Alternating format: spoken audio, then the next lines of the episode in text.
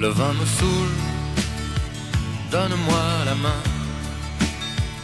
Mes bras s'enroulent, retour de terrain.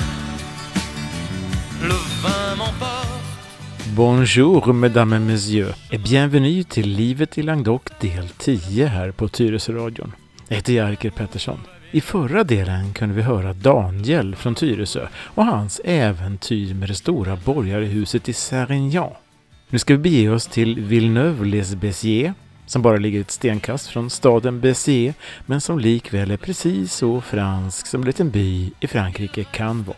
Här ska vi träffa Hans Hall som lämnade Sverige för över 40 år sedan och som driver det tvåstjärniga hotellet Las Cigalas tillsammans med sin belgiska fru Christine. On y va!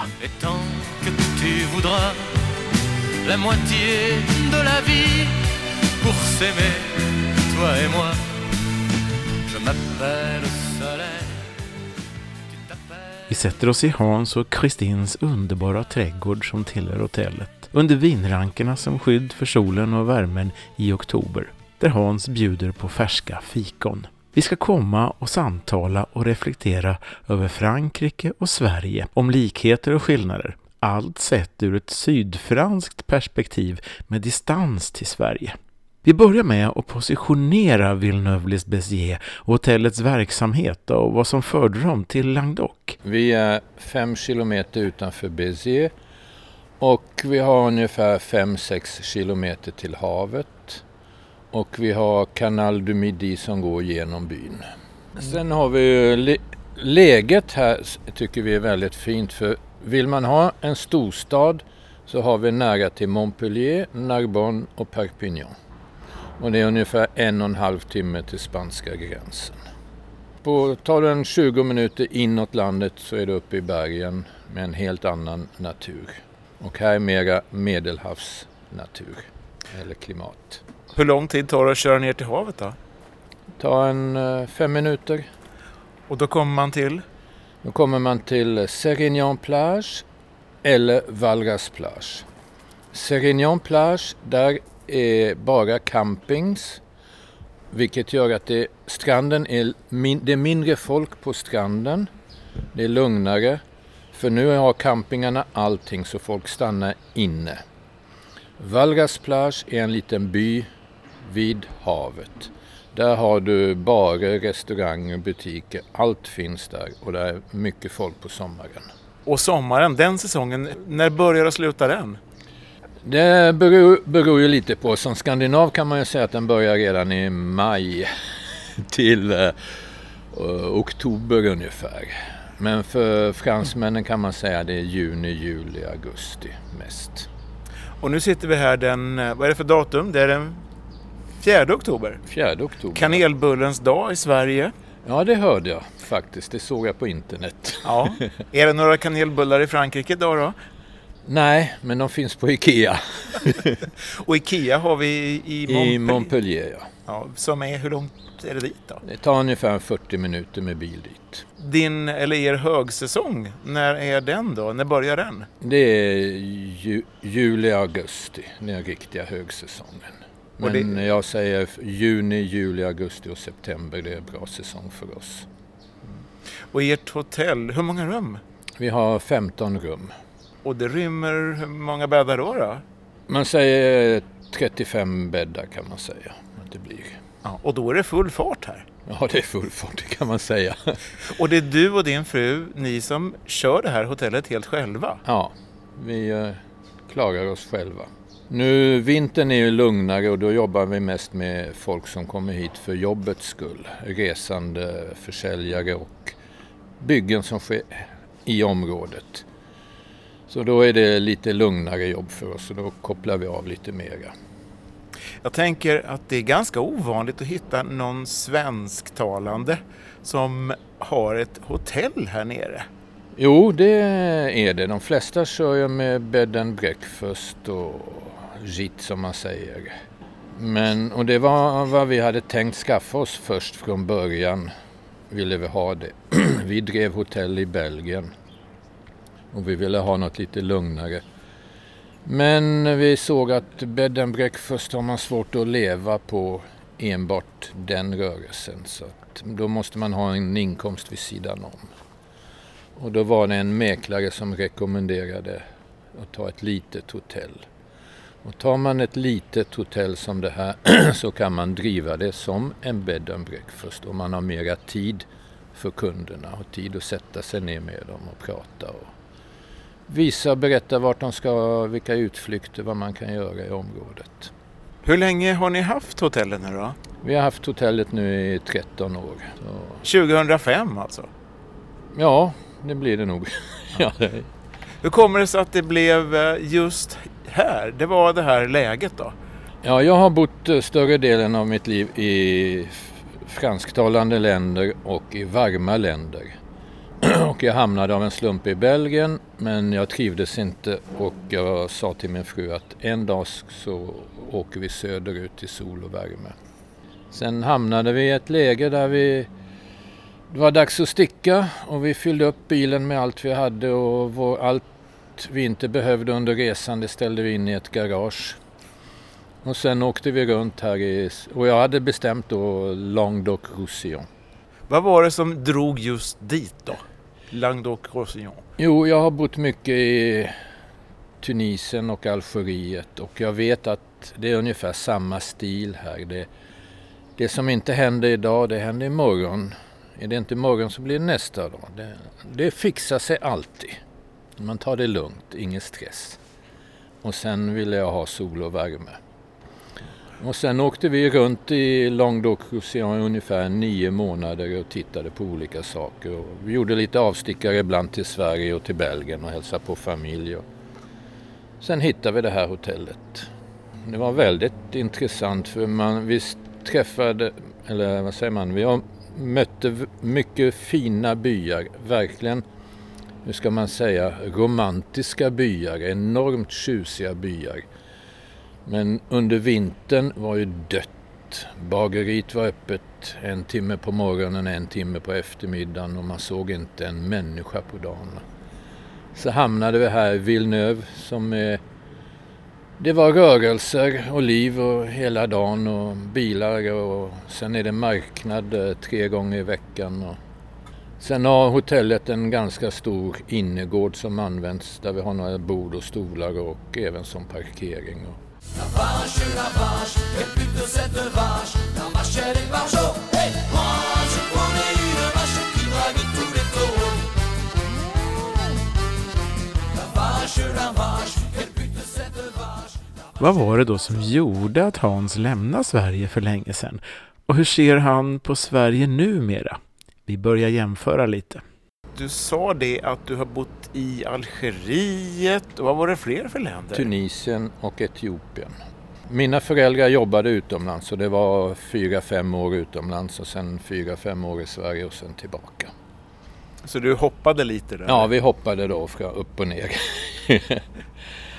och sen när jag var, när vi kom tillbaka till Sverige, då var jag ungefär 17 år.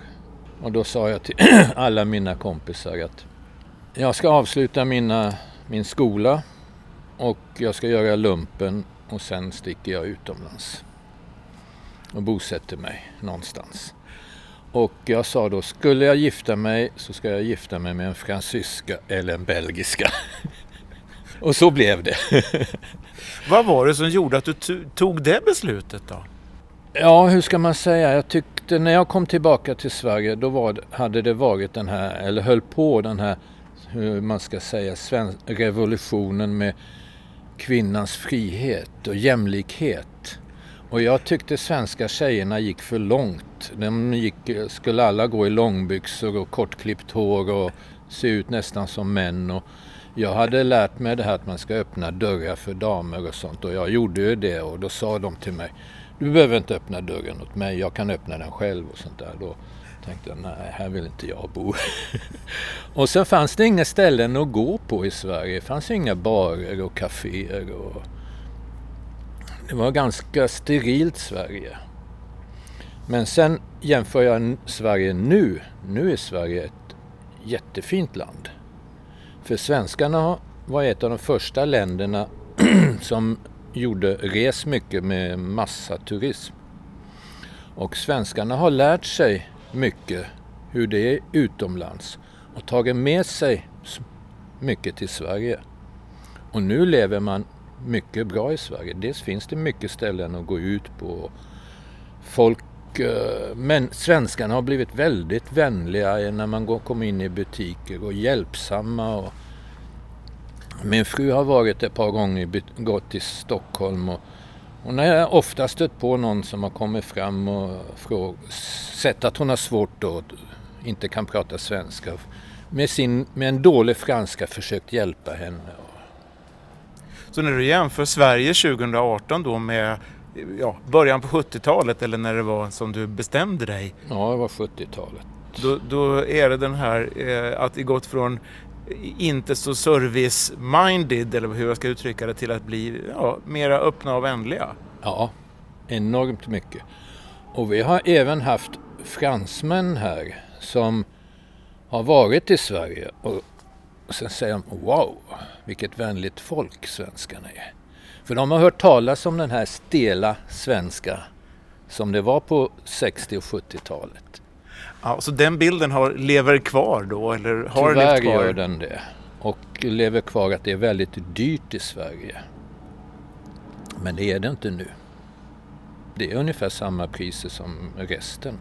Ja, det, det är, ju... alkohol och cigaretter som är dyrt men ja, jag har fått väldigt mycket positivt från svenskar och, eller från fransmän som har varit i Sverige. Och då, en, vi hade en kund här nu för inte så länge, han sa att svenskarna har blivit mycket vänligare än fransmännen. Och fransmä, frans, fransmännen har blivit väldigt stela tycker han. Och ovänliga när man kommer in i butiker och sånt där. För det som vi som svenskar reagerar på är ju att när det kommer in en butik så säger man bonjour och när man lämnar säger man bonjourné och au revoir och så.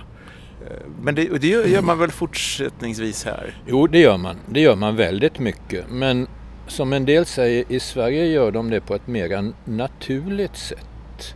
Med ett leende som gör att det känns bra. Nu i det här området här har det bättrat sig lite.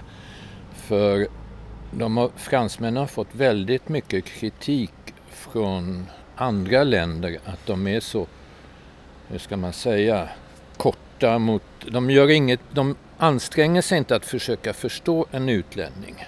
Och turistmyndigheterna i området har gjort, gått de sista fem åren ut med väldigt mycket hur man ska uppträda gentemot utlänningar.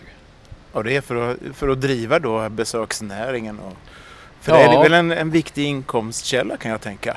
Det är den största inkomstkällan här i området. Det är det. Ja. Det är stor arbetslöshet här. Under sommaren då finns det jobb för allihopa. Där har alla byar och städer nu börjat också upptäcka att det finns turister även under vintern. Så många byar och städer börjar organisera lite olika saker under vintern. Och, eh, flera vin, vad säger man, vinbönder, hur säger man det på svenska nu? Jo, vin, vinbönder stämmer. Ja. ja. Börjar ordna i sina vinkällare julmarknader som är jättemysiga. Och när vi kom hit då fanns ingenting sånt. Det stod eh, en stor skylt julmarknad. Nu upptäckte vi att de kallade det för julmarknad bara för att det var december månad. Och så var det kanske en som hade en liten juldekoration på borden. och nu börjar det komma riktiga julmarknader som är jättefina och då är det mycket lokalt som kommer dit. Alltså lokala sådana som gör bönder och med ostar och eh, skinka och allting sånt där.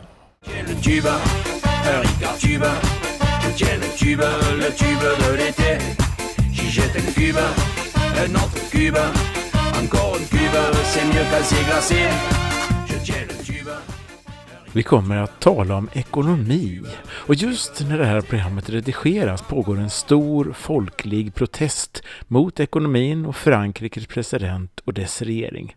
Jag frågar Hans hur han ser specifikt på Frankrikes ekonomiska utveckling och vad han skulle vilja göra. tyvärr utvecklas landet väldigt dåligt. De har en väldigt dålig ekonomi. Just nu är det så dålig ekonomi att fransmännen gör inte av med pengar. Du menar De... konsumtionen minskar eller? Ja, konsumtionen minskar.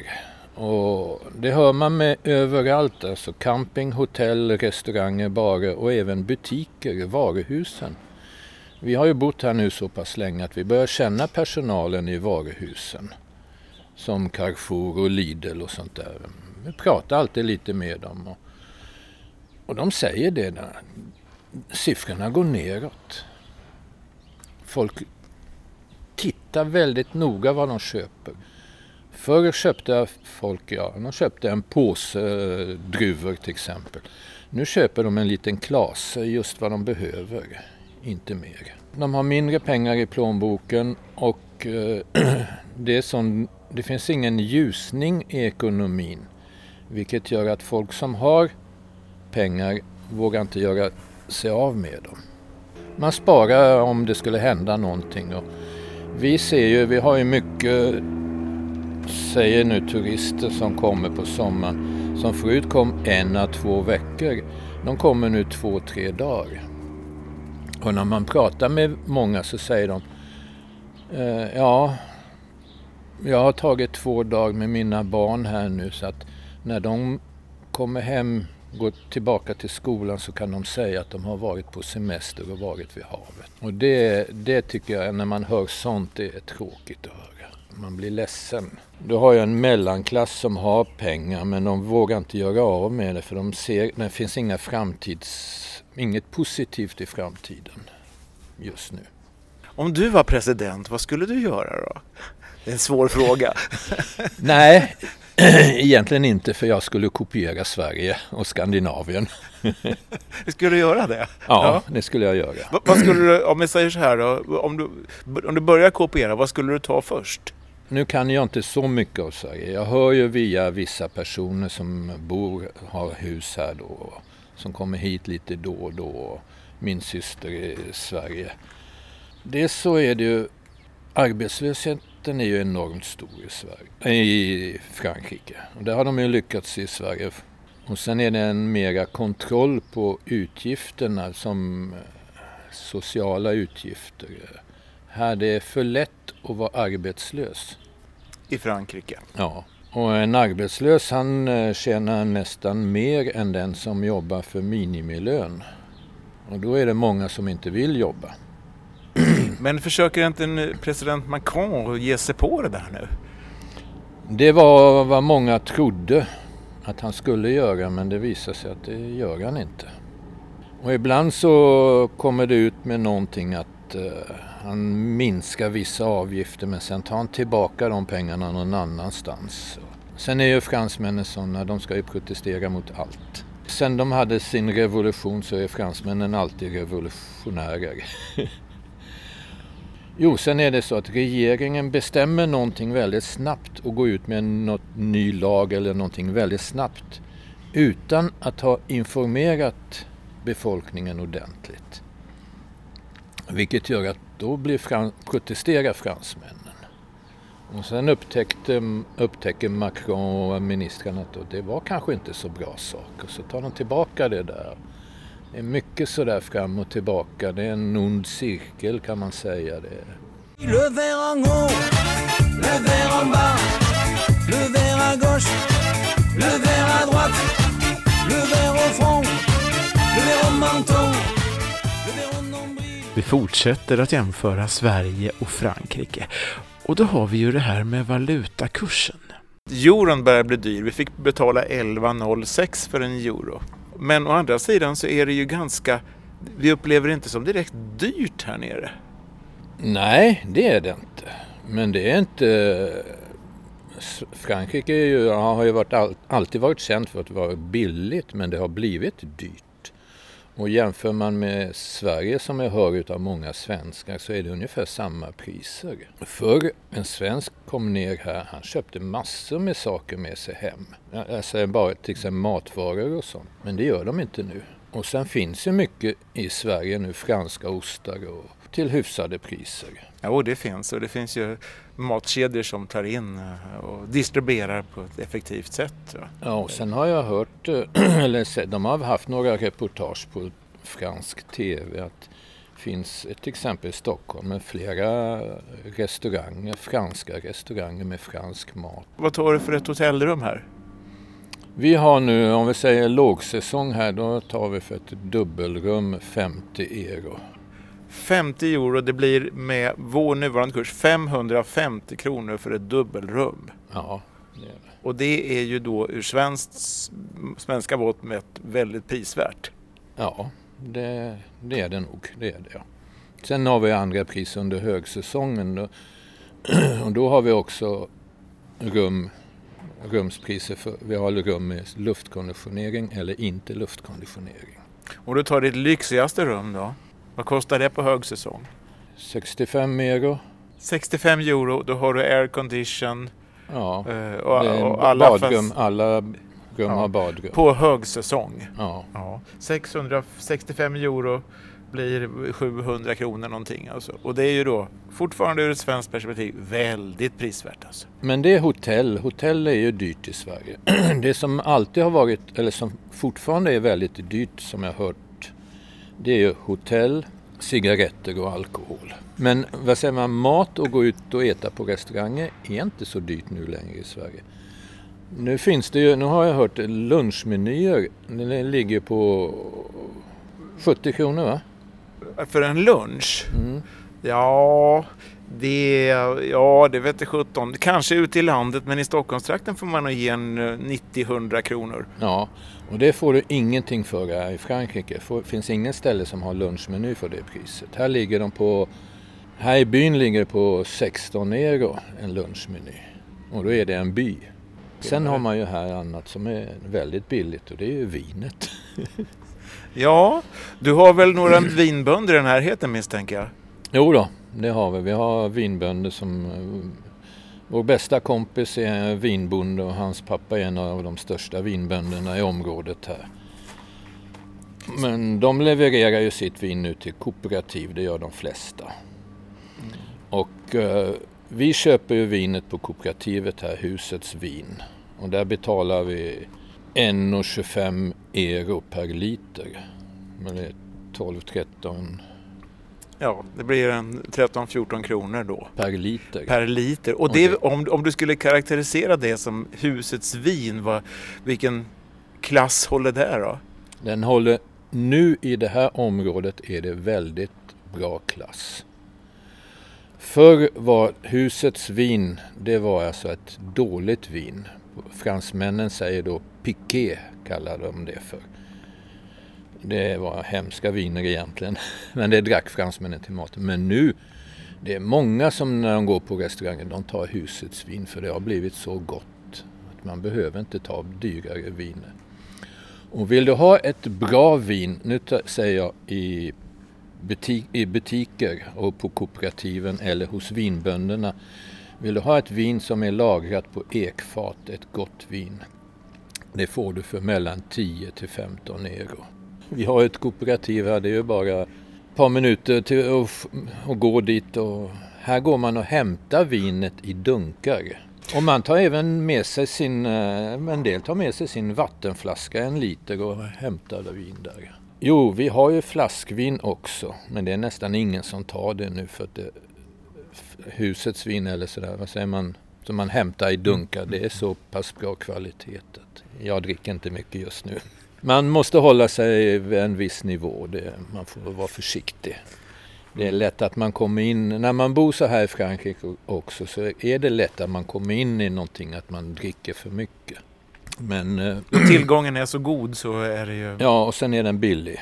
Min fru och jag, vi har liksom, vad vi gör nu, vi tar till helgen när det är lugnt, nu tar vi en flaska riktigt gott vin och njuter av. Je voudrais un petit Ricard dans un verre à ballon. Hey, hey. Laissez-moi le consommer avec modération.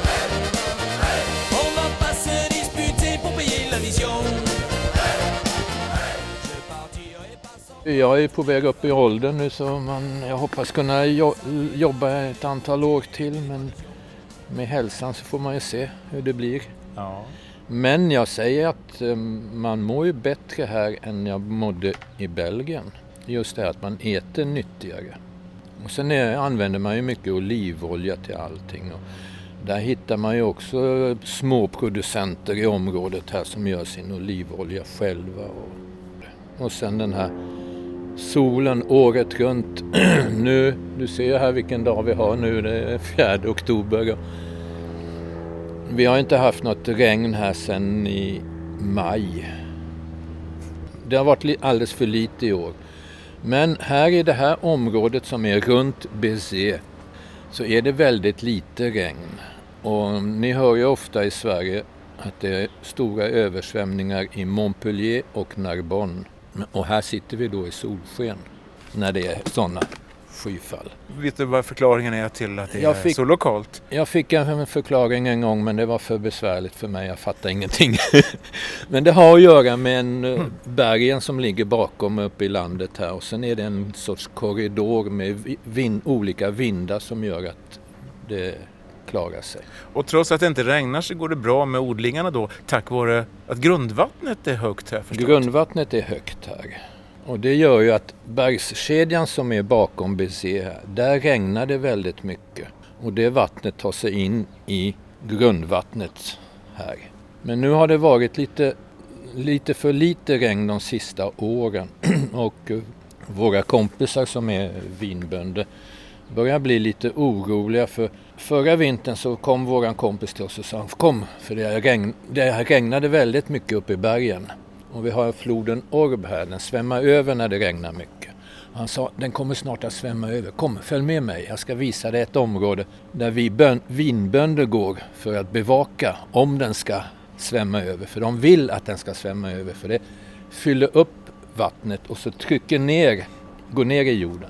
Och vi stod där och tittade och sen kom det fyra, fem vinbönder stod där och tittade på floden. Det var ganska komiskt. Sen började vi börja prata med dem och då berättade de att grundvattnet har sjunkit vilket gör att havsvattnet börjar komma in i grundvattnet. Så de som har sina vingårdar längs havet, närmre havet, börjar få problem. Aha, det blir för salt vatten? Ja, då? det blir för salt.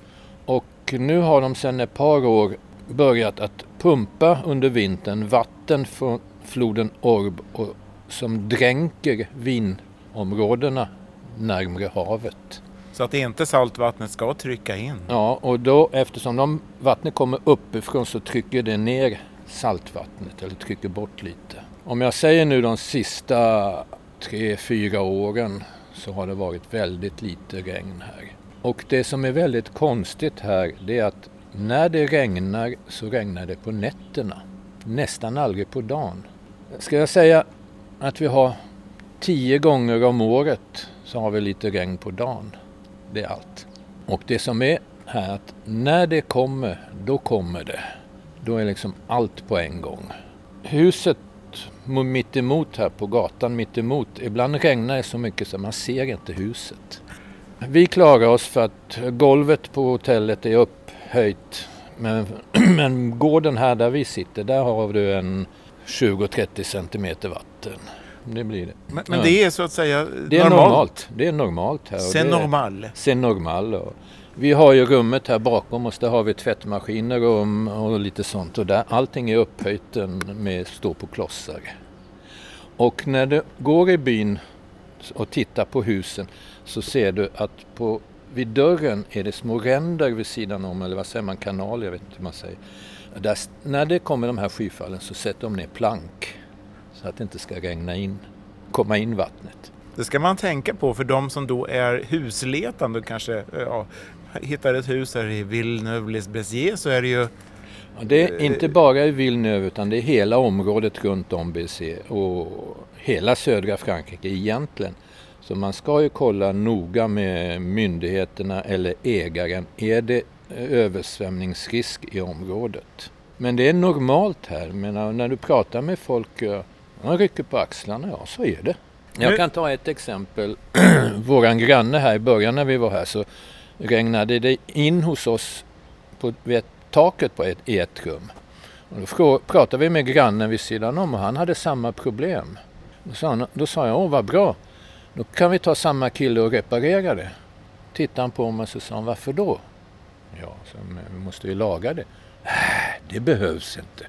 Det händer en, kanske två gånger om året. Det är bara att sätta en hink där. Man kan väl säga att det är ganska pragmatiskt synsätt? Va? Jo, det är det. Sånt, så tar man livet här också i södra Frankrike. Så är det. det. Och där har man också, det är något som um, svenskarna kommer upptäcka, de som kommer hit. Att man ringer efter en elektriker eller någonting. Ja, jag kommer imorgon. Man väntar flera dagar. Ringer upp igen. Ja, men jag kommer, jag har inte glömt det. Det är ingen, varför ska man, det är ingen panik. Sen har vi lärt oss också här nere att här jobbar man för att tjäna en viss summa pengar. Har man det, då tar man det lugnt sen. Man behöver inte allting det här. Sen har de någonting som här som heter chasse, pêche och tradition. Jakt, fiske och tradition. Det är det viktigaste. Traditionen, det är pastis. Sitta på en terrass, ett glas vin och en pastis. Det är det viktigaste. Och sen jakt och fiske då? Ja, jakt och fiske. Odling tänker jag. Jo, men det är någonting som man jobbar med. Det är inte så viktigt. Han som har restaurangen uppe i byn här vid kanalen, nu är det eh, barnen som har tagit över. Men han, eh, under vintern öppnade han på helgerna bara. Ibland var det stängt, det visste man aldrig när. Han hade ingen lust. Eller han skulle på jakt eller ut och fiska, det var en fin dag. Man får ta dagen som den kommer. På vintern går temperaturen ner här till minus två, minus tre ute på fälten. Men på dagen är det mellan 10 och 15 grader. Och det går upp till 20 grader. går det upp till. Och vi går, eh, på vintern gör vi mycket långa promenader längs havet på stranden. Ibland eh, bara skjorta och ibland bara en kofta på sig. Stövlar kan jag säga, det har jag inte. Jag går i sån här crocs eh, om det regnar. Mer behövs inte. Mer behövs inte. Livet är enkelt, avslappnat, nära naturen, maten, vinet och människorna i Sydfrankrike. C'est normal. Med det lämnar vi Hans Hall på hotell La Cigalas i Villeneuve-les-Bessiers och Languedoc och Frankrike för den här gången. Vill du höra fler delar i radioserien Livet i Languedoc gör du det enkelt genom att gå till tyresoradion.se och i sökrutan skriva Languedoc. Där är det bara att välja del och klicka på play-knappen.